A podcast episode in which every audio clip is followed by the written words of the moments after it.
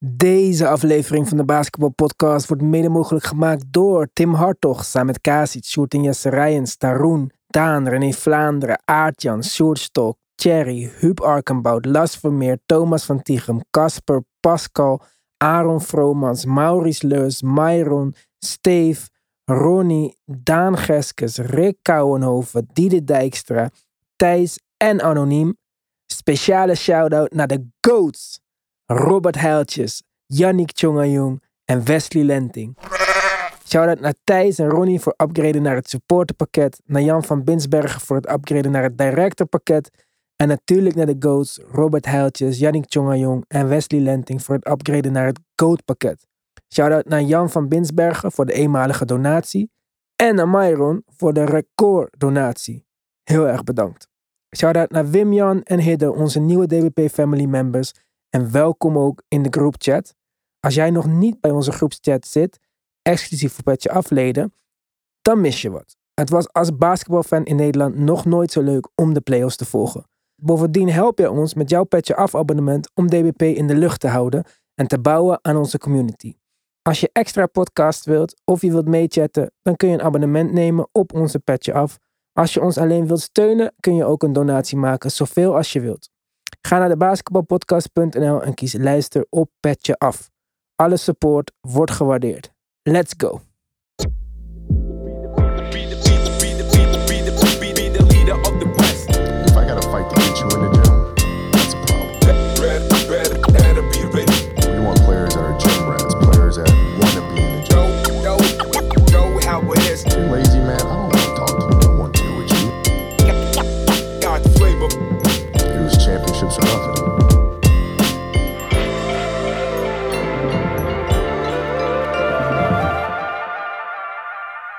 Nou jongens, ik denk eh, dat Erik Spolstra onze Petje Af uitzending heeft geluisterd. Alles waar wij het over hebben gehad, kon je terugzien in de wedstrijd. Van Bam's rol aanvallend tot het shot percentage van Boston. Vorige wedstrijd schoten zij een belachelijke 50% van drie. Deze wedstrijd weer bijna hun playoff gemiddelde van 37,7%. Zelfs met Jimmy Butler out in de tweede helft kon Boston nog steeds niet echt het verschil maken. Jason Tatum was in eh soyboy mode met 10 punten, 6 turnovers. Jullie geloofden in Boston in 6. Heeft deze wedstrijd daar iets aan veranderd? Nee, helemaal niks. Ze hadden gewoon een hele slechte wedstrijd. Ze hadden geen, Rob, ze hadden geen Robert Williams. Je zag ineens, kon Bam wat doen. Heat hebben geen Jimmy Butler in de tweede helft. Tweede helft. En wat is gebeurd in de tweede helft? De Boston zijn teruggekomen. Die, en ze hebben nog steeds 17 turnovers in de tweede helft gehad. Dus het feit dat Boston dat kon doen in de tweede helft, terwijl ze belachelijk slecht slecht speelden. Hun beste speel- speler, Jason Tatum, kon bijna niks. Jalen Brown had 7 turnovers. Oké, met 40 punten. Oké, mooi. Marcus Smart was geblesseerd. Geen Robert Williams. En nogmaals was het close. En ze hebben belachelijk slecht geschoten in de eerste helft. Terwijl de Heat echt abnormaal aan het schieten was. Dus niet alleen je- aan het schieten. De Heat ging in de eerste kwart juist naar Bam, die de hele vorige wedstrijd niet gebruikt is. Ja, wacht tot Robert Williams er is. Dan kan hij niet. Dan, dan kan het niet. Hij is gewoon bang voor Robert Williams. Zes wedstrijden hebben ze gespeeld tegen elkaar. Robert Williams heeft altijd de plus-minus gewonnen. En was beter dan Bam in allemaal van die wedstrijden. Ben jij nog zeker van deze weddenschap? Ja, ik begin het ook steeds meer te zien als een, als een outlier. Ik denk dat als het de andere kant op viel, wat ook gebeurd is, hebben we die nuance ook gemaakt iedere keer. Eh, kijk even naar wat er gebeurd is. En ik denk dat dat nu de negatieve kant voor Boston ook op geldt. Eh, Jason Tatum mag je van verwachten dat hij sterk terugkomt. Eh, mist gewoon consistency, dat is duidelijk. Hij wisselt al de hele playoffs dit soort, eh, laten we zeggen, ronduit slechte wedstrijden af met, eh, met eh, breakout wedstrijden. Waarin hij gewoon wil laten zien dat hij eh, een toekomstige superster is. Dus ik, ik, ik zie dit ook wel als een, als een, laten we zeggen, negatieve outlier aan Boston kant. Ik denk dat de matchup eh, Robert Williams-Bam inderdaad wel anders, dingen anders gaat maken voor Bam. Dus ik verwacht stiekem wel een, een, reactie van Boston. en, en niet dat dit nu opeens de serie gaat, gaat omgooien. Heat Finals, Francisco. Dat was jouw voorspelling. Weet je wat grappig is? De wedstrijd Miami tegen Boston was een hele leuke wedstrijd. De eerste wedstrijd, Jimmy Butler, 41 punten, twee punten, drie punten die vielen. slaan op zijn borst. hey, ik ben er. Prima. Heel agressief gespeeld. En Jason Tatum wordt achtervolgd door PJ Tucker. En PJ Tucker pakt hem fysiek aan en daar is Jason Tatum niet van gediend. Dus die, ja, die verstopt zich eigenlijk een beetje en die speelt soft. Ja, die speelt op dit moment soft. Slechte schoten, veel turnovers. Hetzelfde geldt ook voor Jalen Brown. Jalen Brown maximaal drie dribbles. Misschien twee. Ja. Ehm, en dan, dan, dan is die heel goed. En wat Boston Celtics niet goed deed, was die bal laten gaan. Waardoor, dat kon ook niet. Die bal laten gaan. Dribbeldruis naar, naar binnen, pasen, weer drijven. Op zoek naar de open schoten. Als jouw drie punten niet val- valt, ga dan proberen naar de basket te gaan. En jij maakt een goed punt. Als Robert Williams er was, dan had je naar binnen kunnen gaan en dan die lobpaas kunnen gooien. En dan maakt hij af. Hè, dan heb je ook nog iemand voor de offensive rebound. Samen met Al Horford. Die was mm, niet heel aanwezig. Maar praten we nu over de eerste wedstrijd of de derde? Over wedstrijd? eerste wedstrijd, tweede wedstrijd en de derde wedstrijd. Ja, maar bij de tweede wedstrijd zie je dus heel duidelijk wat jij net zegt. PJ Tucker raakt geblesseerd en Jason Tatum gaat los. En ja, dus dan zeg ik. Ja. In de eerste wedstrijd, prima. Weet je, was iedereen gezond. En, maar was Miami duidelijk de agressieve team. Ja. Terwijl Boston normaal gesproken het meest agressieve team is. Maar je speelt thuis. Dus het thuisvoordeel ligt bij Miami. Ja? Kijk, valt er, valt er één driepunter. En die spelers die normaal gesproken schutters zijn, die schieten. En die zien dat, dat er een driepunter door de ring heen gaat. Dan krijgen zij ook dat gevoel van, oeh, we're making shots. Ja. Wat gebeurt er? PJ Tucker krijgt vanuit de hoek ook een driepunter. Bam. Nou komt Tyler Hero. Eerste schot die hij neemt. Bam. Valt ook gelijk. Ja, nu is het game over. Want Boston Celtics schiet niet goed. Komen achter. Spelen soft. Turnovers. Nu is Miami met een heel ander niveau bezig. Ik zei al tegen die gast waarmee ik commentaar deed. Ja. Is game. Eerste kwart zei ik al. Game over. Daar kom je niet van terug. Weet je, want die gasten spelen op een hoog niveau. Dat ze intensiteit brengen. PJ Tucker was heel intensief bezig. En Bam Adebayo, heel slim van, van, van eh, coach Eric Spoelstra... om hem de bal op te laten brengen. Ja. En gelijk één tegen één te gaan. Want Bam Adebayo has some handles. Hij is geen Janis. Hij, kan, hij is bewegelijker, vind ik, dan Janis. Van links naar rechts. Spin moves, jump hooks. More Schot is beter. Zijn schot is beter. Ja? Nou, wat doet hij? Aankomen dribbelen. Dribble handoff en gelijk slippen. Ze gooien over de top. En hij is best in de short roll. Ja. Janus niet. Janus moet nog een dribbel of twee stappen nemen om te dunken. Hij kan vanuit daar een floater gooien. Een midrange game. Hij kan daar pull-up doen. En dat zag je in het begin. Elke keer als hij daar die short roll deed, was kassa. Ja, en zijn voordeel gisteren vond ik, want in die tweede wedstrijd was Bam dus niet aanwezig. Die verliezen ze dan uiteindelijk. En gisteren zochten ze nadrukkelijk in het eerste kwart naar Bam. En ook in de post, niet alleen op de perimeter. En wat hij heel goed deed, op één keer na waarin Marcus Smart weer eh, kon floppen, is dat hij met kleine spelers omdraait en eh, over ze heen schiet. En met grote spelers kan hij ze back down naar de basket en heeft hij die turnaround of Juist. wat dan ook. Ja, dus Dat- voor hem was het heel simpel om hem wat meer... Hij had zes schoten genomen.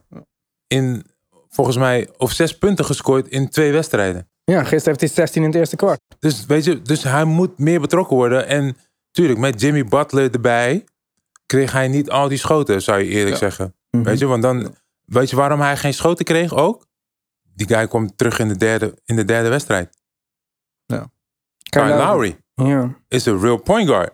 ja. Die Is een real point guard. ja. Is veel beter dan die eh, Hero. Ja, Gabe, Gabe Vincent. Vincent. Gabe Vincent. En Gabe Vincent is een scorer. Ja, Gabe Vincent doet wat zijn opdracht is. Ja. Point guard spelen. En dat is denk ik, oké, ik roep dit spelletje. En, maar Kyle Lowry een soort ziet- van quarterback. ziet Ja. andere dingen. En Ja. daarom is bij Marabayo ineens boom. Dus Ja. dat is mijn. Aan de andere kant, tuurlijk, beide ploegen hebben gedaan wat ze moeten doen. Eén wedstrijd op de tegenstanders, en ik praat nu al te lang hoor. Eén wedstrijd winnen op de tegenstander Ja. het veld. Ja, de Heat hebben nu een thuisverlies eh, goed gemaakt. Ja, en dat is heel stom van Boston. En nu zijn ze in de problemen. Maar problemen in hoever dan? Want als Boston de volgende wedstrijd wint, dan staat het weer gelijk. Beginnen we weer Ja, opnieuw. als. Maar dat is als. Ja. ja. maar jullie zijn net positief over Boston. ja, ik ben Dus- positief over, ook over Miami. Want Miami heeft nu laten zien dat ze weten, ze hebben iets gevonden om Jason Tatum helemaal uit zijn game te halen. En dat is PJ Tucker. Net of je dat niet kon voorspellen. Dat heeft toch vorig jaar de hele serie gedaan met Kevin Durant, of niet? Ja, maar dat had Boston moeten weten en dat hebben ze niet gedaan. Ja. En je zag ook dat ze daarna in een zone gingen spelen. Dus die zone was effectief. En normaal gesproken hoe Boston verdedigt, is precies hoe Miami verdedigt. krijgt Jason Tatum de bal, waar dan ook. Je ziet lichamen. Krijgt hij hem in de post, drie man om hem heen. En hij Ja. gooit een soft pass. Dus hij is helemaal van zijn apropos. Ja. Dus Miami gaat sowieso door met dit. Ja, want Miami speelt diezelfde defense die ze drie jaar geleden speelden met Derrick Jones Jr. en zo. De twee mannen jagen op de man die de bal heeft op de perimeter. En Jason Tatum, om de een of andere reden, is geen goede passer uit een double team. Want zijn turnovers zijn echt enorm. En dat bedoel ik niet als een dis naar hem of zo, maar ik vind dat wel iets wat je om dat superster level te bereiken zou moeten kunnen. Want die double teams gaat hij blijven zien. De rest van zijn leven. Ja, hij speelt, hij speelt soft, man. Ja, Soyboy, zei ik in de intro. Dat is, eh, Ja. Maar eh, Jimmy Butler, volgende wedstrijd, Tim, is er een update? Ja, hij wordt verwacht. eh, We worden de volgende wedstrijd terug verwacht. Het was een, een knee inflammation waarmee hij aan de kant werd gehouden. Eh, maar die is niet dermate serieus dat er, dat er echt nu games gemist gaan worden. De verwachting is dat hij, eh, dat hij hiervoor geen, geen wedstrijd hoeft te gaan missen. Dus eh, ja, want, hij zou er norm- normaal gesproken gewoon bij moeten zijn. ja, want Jimmy Butler niet echt die eh, Soyboy normaal gesproken, maar hij blijft in de kleedkamer. Terwijl Marcus Smart en Jason Tatum gaan ook allebei naar de kleedkamer. Marcus Smart die kwam echt terug. Als het niet in Philadelphia was geweest, konden ze die Rocky muziek eronder zetten. Zo ging het stadion los toen hij terugkwam. Maar ja, dus eh, is er een update over Marcus Smart? Of, Van eh, Smart gek genoeg nog niet. Hoewel dat van de twee de meest serieuze, het meest serieus eruit Ja. zag natuurlijk. Tatum is te aanstellen, dat heb ik gisteren gezien. Ja, van Tatum viel het uiteindelijk mee. Hij schrok gewoon, want hij voelde wat slechts in zijn nek. Wauw. Eh, hij greep naar zijn schouder, maar dat kwam een beetje uit zijn nek. En hij, was, hij schrok daar nog wel van. Hij is nagekeken en uiteindelijk weer gekleerd, kon weer spelen. Daar hoeven we in principe geen vervolg aan te geven. Hmm. Van Smart denk ik wel dat ze daar misschien later vandaag wel met een update komen. Want ik neem aan dat hij nog wel iets van x-rays of, of misschien wel een MRI krijgt. Want eh, dat zag er echt heel lelijk uit. Oké. Wat vonden jullie van de scheidsrechters? Want ik vond op een gegeven moment dat het een beetje leek alsof die offensive fouls wel heel, ver werden, heel veel werden gecalled tegen de Heat en niet tegen Boston. Er was één eh, instantie dat eh, Martin, Cody Martin, hoe heet die? Caleb. Caleb, whatever.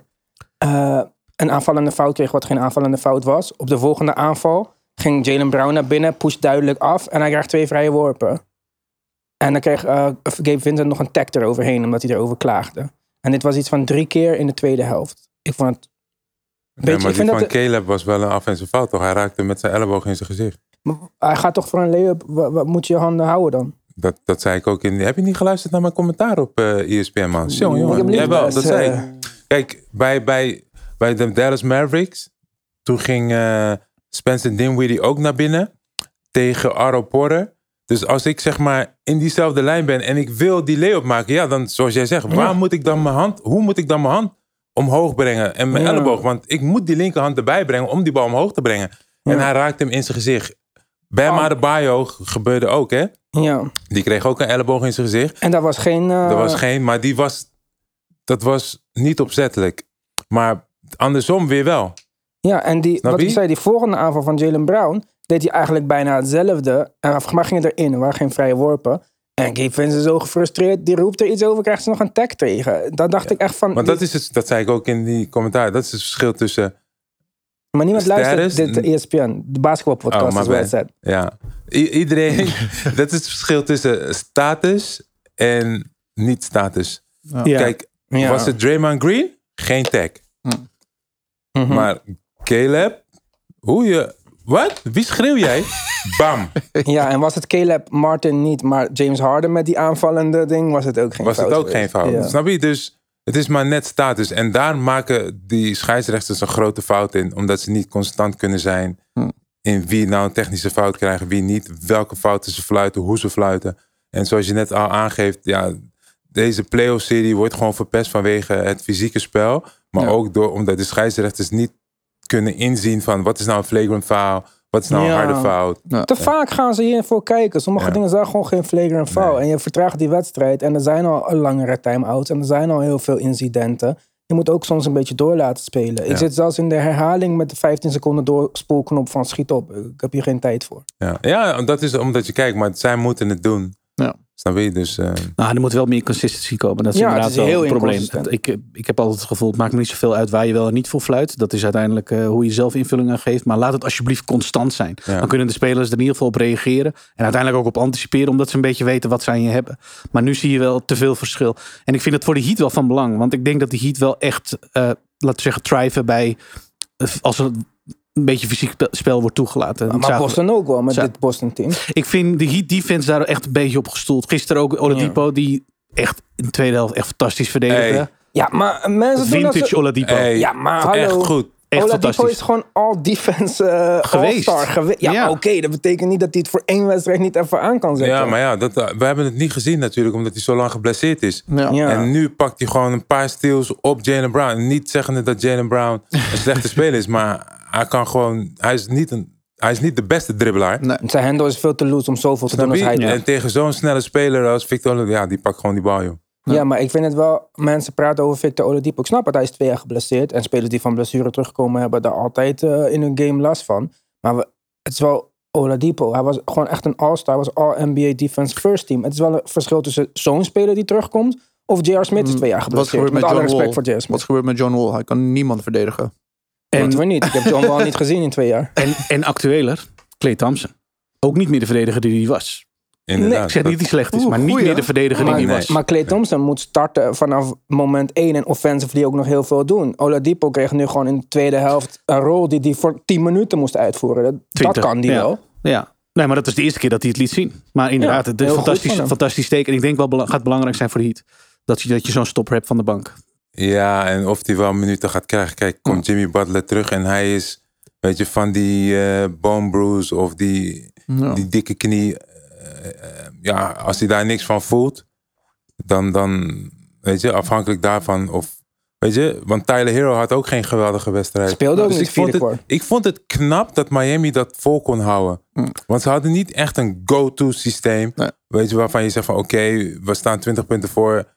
Weet je, want Boston had alles. Marcus Smart kwam terug, raakte een drie punten. Jalen Brown schiet een Ja. ongelofelijke drie punten raak. Komen terug tot vier punten.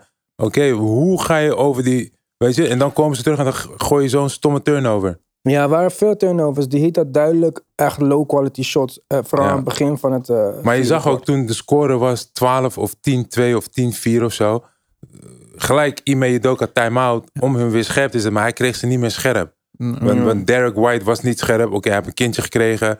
Die gasten waren gewoon niet maar scherp. is uit al daarvoor was hij ook niet zo goed, deze playoffs, Derek White. Aanvallend zeker niet. Nee. Verdedigend is hij wel. Maar, dus, maar, maar ik probeer te zeggen dat je speelt thuis, man. En dan is jouw intensiteit vanaf de eerste minuut laag. Ja, dan weet je al, Ja, het is gewoon klaar dit gaat het niet worden. Weet je, want Miami ze raken een paar schoten en het zijn, weet je, dat zijn meer dogs, weet je. Ja. Zeggen, "Ah." en en bij, bij, bij Boston heb je niet echt een, alleen Marcus Smart, die Ja, "Ah." Boston hebben één Marcus Smart, de Heat hebben er vijf. hebben de vijf. Ja. Weet je, die durven allemaal. "Ah."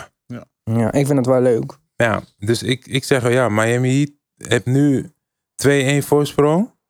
Als Boston thuis niet wint, is het over. Is het game Ja. over. En ik zou liever Boston willen zien in de finale tegen Golden State dan de Miami. Dat zeker. Mm, Ik, ik vind het ook wel interessant om Miami te zien tegen dat. Dan heb je wel echt een contrast in stijlen. Je hebt een team die 85 punten per wedstrijd scoort met eh eh, eh, tough nose defense. Dat- En je hebt het hele spontane. Ja, maar dat, dat wordt voor Golden State cut in Mm. bakkie. Easy game. It's easy.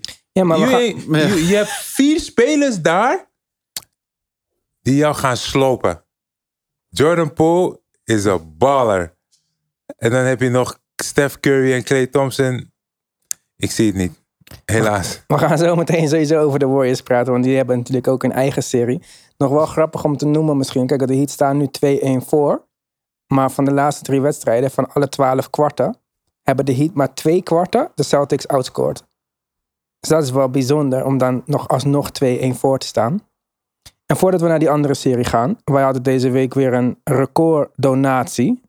En dat, eh, die is gedaan door Myron. Daarom heeft Mark nu in jouw naam, Myron, een stat van de week. Ja, we blijven aan de Celtics.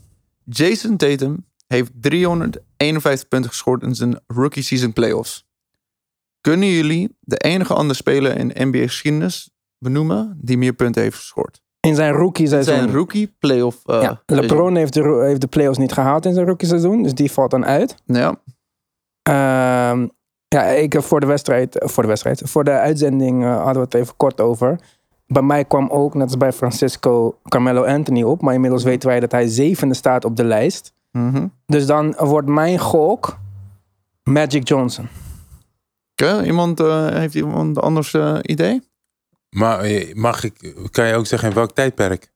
Oeh. Eh, zijn, eerste seizoen, ja, zijn eerste seizoen was binnen de laatste oeh, 60 jaar. 60? Ja. Ja. vriend, dat is iedereen gewoon. Of 50. Ik heb 50 met randje. Nee, maar geef me, 51, geef me 51 10. jaar. 90s, 2000s. Uh, de eerste is jaren 70. Dus 1970. Nou, dus niet Dat Magic. is letterlijk de makkelijkste. Dan is het Dan Larry gewoon- Bird.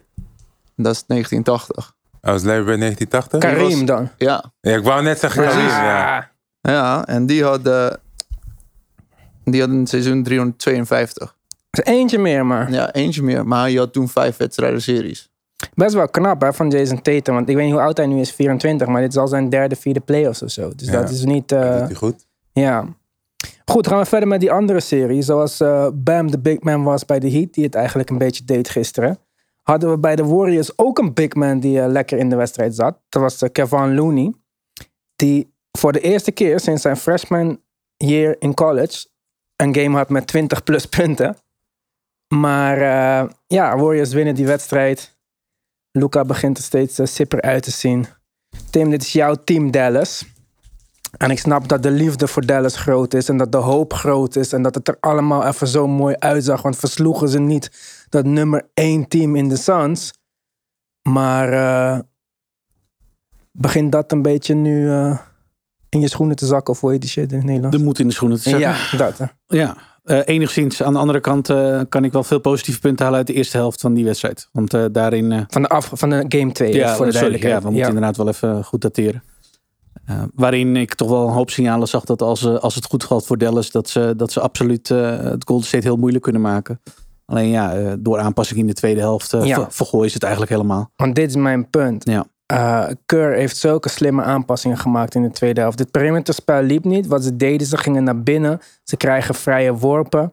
En niet alleen werken die vrije worpen in hun voordeel dat ze easy buckets krijgen. Maar ze hebben ook weer de tijd om terug te gaan op defense en gewoon rustig alles op te zetten. En dat is wat heel goed heeft uitgepakt, denk ik. En daarom, wij hebben misschien allemaal de Warriors een klein beetje onderschat. Want slimme teams kan je gewoon nooit uitschakelen. En dit is misschien het slimste team in de NBA. Van speler van Draymond tot aan Steph, tot aan Kerr, tot aan... Ja, ik denk dat, dat, ik, dat, dat ik dat wel met je eens ben. Uh, al is het maar om het feit dat de interior bij Dallas inderdaad überhaupt problematisch is. Dus het is ook niet zo dat we nu zeggen, oh, weet je wat Dallas even moet doen? Pas het even aan, dan komt het wel goed. Nee, het probleem wat zij hebben ligt daar. Als je al uh, problemen wil stellen. Ja, volgens mij heb ik Marquis Chris gezien zelfs. Uh. Ja, nou dan weet je hoe laat het is. Dat kan ja. niet waar zijn. En uh, ik vind eigenlijk de enige big die daar echt van waarde is, is Maxi Kleber. Heel ja. grote waarde zelfs. Um, Dwight, ja, Powell. Dwight Powell is een beetje. Dwight Powell's rol in playoffs is überhaupt gewoon. Powell is niks anders dan een harde roller. En meer okay. dan dat geeft hij eigenlijk niet echt. Nou, dat zie je aan zijn minuten. Dat is meestal tussen de 7 en 10 minuten per wedstrijd start. En daarna is hij weer gauw uit zicht. Kleber is wat, wat dat betreft een stuk usevoller. Ja. Zeer goede verdediger, zo niet de beste uh, die Dallas heeft. En uh, alleen ja, die heeft natuurlijk fysieke problemen. Die kun je niet 40 minuten spelen. Dus, ja, maar en is je, ook niet de rim protector die je uiteindelijk nodig zou hebben om die jongens van Golden State een beetje uit de paint te houden. Al is het maar met je presence. Okay. Dus ja, dit, dit kan problematisch worden voor Dallas. Maar weet je wat ik dan niet snap, Tim? Want dit was al bekend vanaf het begin van het seizoen. Ze hebben Boban onder contract. Ze hadden Willy Cauley-Stein onder contract. Ze hebben Chris gesigned. Ze hebben Kleber. Ze hebben Powell. En na die Porzingis trade, dit zogenaamd rim protector, krijg je ook niemand terug. Het is niet alsof je verwacht van Davis Bertans dat hij opeens uh, Rudy Gobert werd of zo. Dus dan denk ik van waarom hebben zij niet die Biombo pick-up gedaan? Waarom hebben zij niet die Javel McGee mid-level exception gedaan? Als je weet dat dit al vier jaar lang jouw probleem is. Nou ja, ze hebben blijkbaar de overtuiging dat zij dit met hun team defense kunnen oplossen. En voor een groot deel, al is het maar in het reguliere seizoen, tweede helft, hebben ze dat ook kunnen doen. Het was niet zo dat het altijd zo lekker als een mandje is geweest daar. Um, dus ze hebben blijkbaar het vertrouwen dat ze dat op die manier kunnen oplossen. Alleen ja, je komt tegen bepaalde teams uiteindelijk, helemaal in series, mm-hmm. met de offensive firepower die de Warriors hebben. Ja, dat dat gewoon misschien wel te veel blijkt. Uh, wil niet zeggen dat het nu uh, de volgende wedstrijd uh, alleen maar naar binnen toe trekken is wat de Warriors gaan doen. En, en een blowout in game 4. Absoluut niet, denk ik. Mm-hmm. Maar dit kan, als hier een nadruk op gelegd gaat worden vanuit, vanuit Golden State. Ja, ik zie dit, al is het, als het maar door, door team defense ja, misschien maar voor een deel opgelost kunnen worden door Dallas. Ja, kijk, ik vond omgekeerd dat Dallas, oh, nu lijkt het alsof Dallas alles fout heeft gedaan. Ze hebben ook goede dingen gedaan. In plaats van dat ze de wedstrijd begonnen de hele tijd met die pick and roll die niet werken. Ging, die ging eh Doncic veel meer één op één. Of het nou tegen Steph was of, of eh, in de mismatch die hij had. Maar ja, de tweede helft dan. De, de Warriors maken hun aanpassingen. En Dallas bleef achter. Ja, en dan kom je weer bij het eh, punt van kritiek wat ik eerder ook al eh, heb aangegeven van de wedstrijd daarvoor. En dat is dat Dallas in mijn optiek te veel blijft hangen in het spel wat ze spelen dan. En te veel blijft proberen. Dit is wat Kit na de wedstrijd ook zei. We bleven die drie punters maar schieten aan de andere kant. We blijven volharden in het proberen te laten vallen van die schoten. En als het op dat moment niet werkt, zou je sneller moeten kunnen schakelen naar, noem het maar een plan B. Of in ieder geval een andere manier. Ook Dallas kan namelijk tegen Golden State veel meer naar binnen trekken. Veel meer die rim aanvallen. Want eh, ook dat is Golden State's sterke punt niet, verdedigend. Dat ja, maar dat zo. deed Luca in de Ja. eerste helft. Maar daarom ook, omdat hij zoveel moet doen in de eerste helft, is hij elke keer, naar mijn mening, in de vierde kwart op. Ja. En dat kan dus niet. En daarom heb ik ook vaker dan mijn twijfels geuit over Jalen Brunson, die ook een goede scorer is op zich. Maar je hebt een guard naast Luca nodig, die ook de bal kan opdribbelen, die ook een play kan neerzetten, dat Luca ook een aanval wat rust heeft. Jij zit te kijken alsof je het er niet mee eens bent. Zeg nee, maar. tuurlijk wel. Ik luister toch? Ik luister naar jullie eh, analyse. En Brunson had dit keer een goede wedstrijd. Mag ook een keer worden. punten. Nou ja, qua aanvallende output inderdaad. ja. Luister, jij mag doen met Brunson wat je wil. Als jij hem 25 miljoen wil betalen volgend niet seizoen, 25. doe je ding. 25 is overdreven. Kijk, wat, wat, wat, wat, Tim net heel, heel goed aangeeft is, weet je, Dallas klikt. Weet je, ze klikken. Als zij veel drie punten schieten en ze raken er een paar, heb je een moeilijke avond met die gasten. Mhm. Want dan, dan kan eh, Spencer Dinwiddie kan raak schieten van de bank af. Weet je, eh, Finney Bullock, Smith. eh, Bullock. Smith, ja. Weet je, dat zijn wel gasten die echt van Doncic moeten leven. Om, ja, dus hè, die ballen te krijgen bijvoorbeeld. Want Dallas is geen, is geen snelle ploeg. Ze gaan Golden State niet verslaan vanuit de transitie. Ehm, Dallas is ook niet een team volgebouwd met playmakers. Nee, geen één. zelfs. Weet je, dat is maar eentje. Luka Doncic, echt serieus. Maar ik denk, wat, wat je net ook aangaf, of jij zei dat net, eh, dat ze op zoek zijn naar een tweede naast Mhm. Luka Doncic. Dat moet gewoon. Dat kan niet zonder. Dus ik, soms zie je in de wedstrijd, in de eerste kwart of in de tweede kwart, zie je heel vaak dat Luka Doncic van de bal afspeelt. En dan is Brunson degene die de bal opbrengt om zo ook in het spel te komen.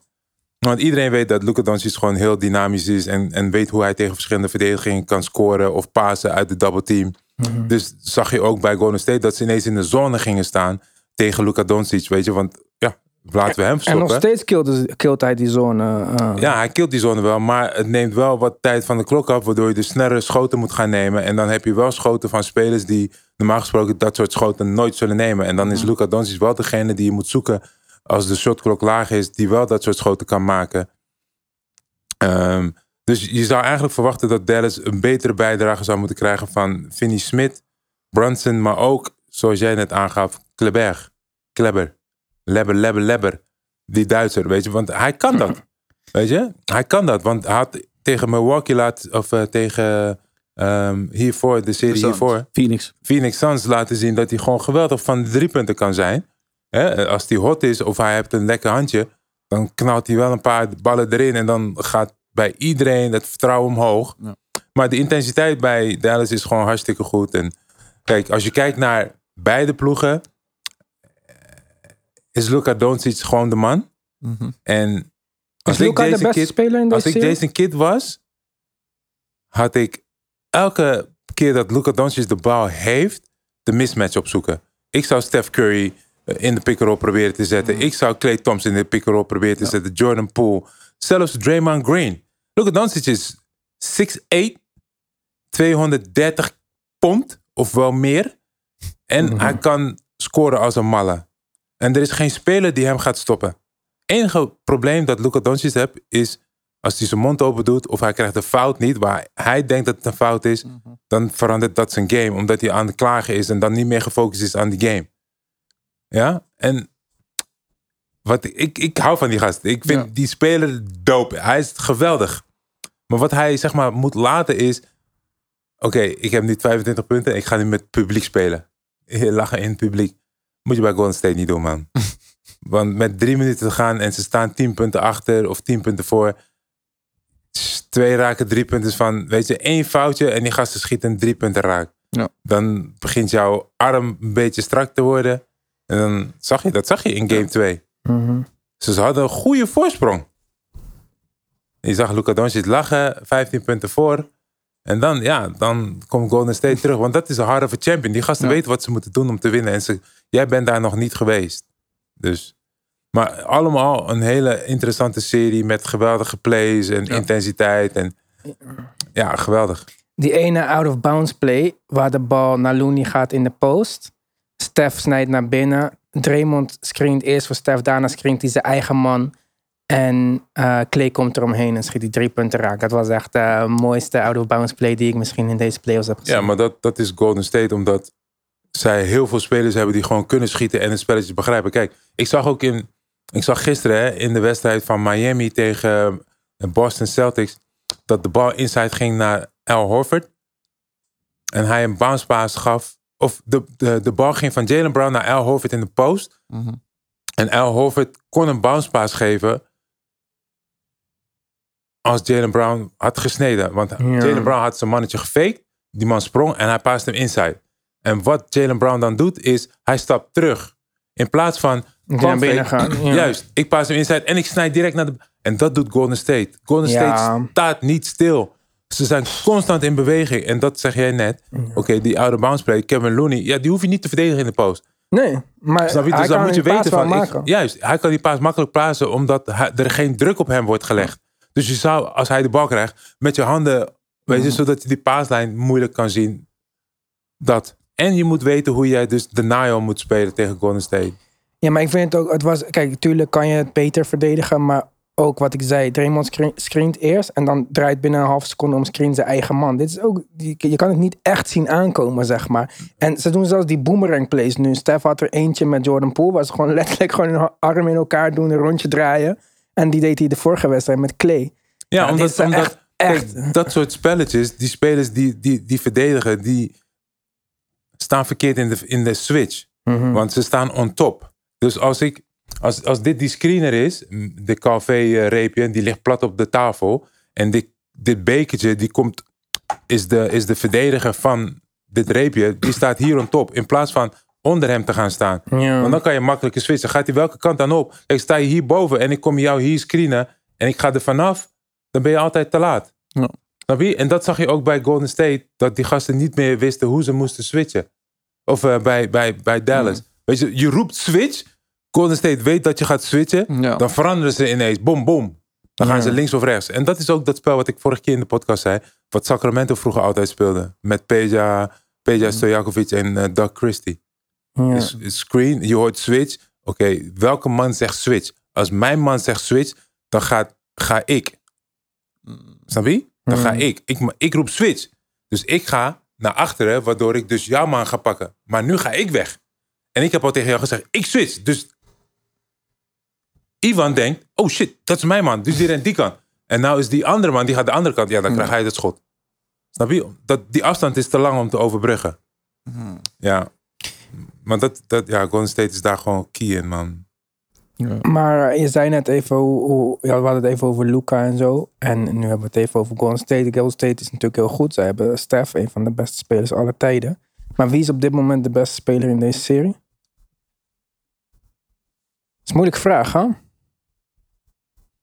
We hebben heel veel Warriors-fans eh, in onze zo. Oh ja. Ja, dus eh, antwoord voorzichtig. ja, zeg het maar, jongens. Eh, Ja, als je vraagt naar welke speler, dan zeg ik, eh, zeg ik nog steeds Luca. Al is aan de andere kant, wat mij betreft, Stef ook natuurlijk ook heel erg goed. Ehm, jij? Ja. Ik, ik had Stef gezegd. Een petje af zondag. Dus eh, Jij? Ik zeg Jordan Poole. Nee, ja, maar hij is wel de, de, de, de, de motor van de bank af. Maar Luka Doncic is, ja, ik, overal vind ik hem gewoon heel goed. Ja. Ja, hij is gewoon geweldig. Als hij echt wil verdedigen, dan denk ik wel dat hij dat kan. Maar hij is, weet je waarom hij zo goed is? Mhm. Het maakt niks uit hoe jij druk op die man zet. Hoeveel druk je op die man... Hij speelt zijn eigen tempo. Zo goed is die man. dan hoef ik niks meer te zeggen. Als jij onder zoveel druk nog steeds je eigen spel kan spelen, dan ben jij, dan ben jij king. En die jongen is zo jong. Jason, Jason Tatum can't do that. Nee. PJ Brown is helemaal over hem heen. En die man paniekt, gooit gekke ballen. Ja, maar dat vind ik wel apart. Ik had dat... Ik had... En deze jongen is 23. Oeh. Oeh, oeh. Hey, ik, ja, ik vind het geweldig. Ik vind het jammer dat ik niet die serie heb. Dat ik niet die serie. Want die man is geweldig om naar te kijken. Ik vind zijn schoten die hij soms neemt belachelijk. Ja. Maar. Oh man, hij. Zelfs. Zelfs. Dinges verdedigt hem niet. Draymond Green. Nee. Nee. Nee, maar daarom speelde hij vorige wedstrijd. Hij dacht, fuck deze hele pick and roll. Ik ga gewoon één op één tegen jullie beste verdediger, perimeter verdediger in Andrew Wiggins. En dat maakt gewoon niks uit. Goed, dan gaan we even over verder praten. Petje af, want het wordt wel interessant nu. Is Luca misschien gewoon de beste speler in een serie waar eh, de beste shooter of all time speelt? Eh, je kunt naar de basketbalpodcast.nl en dan kies je voor luisteren op Petje af. En dan kun je ja, verder luisteren waar dit allemaal eh, naartoe gaat. Tot zo.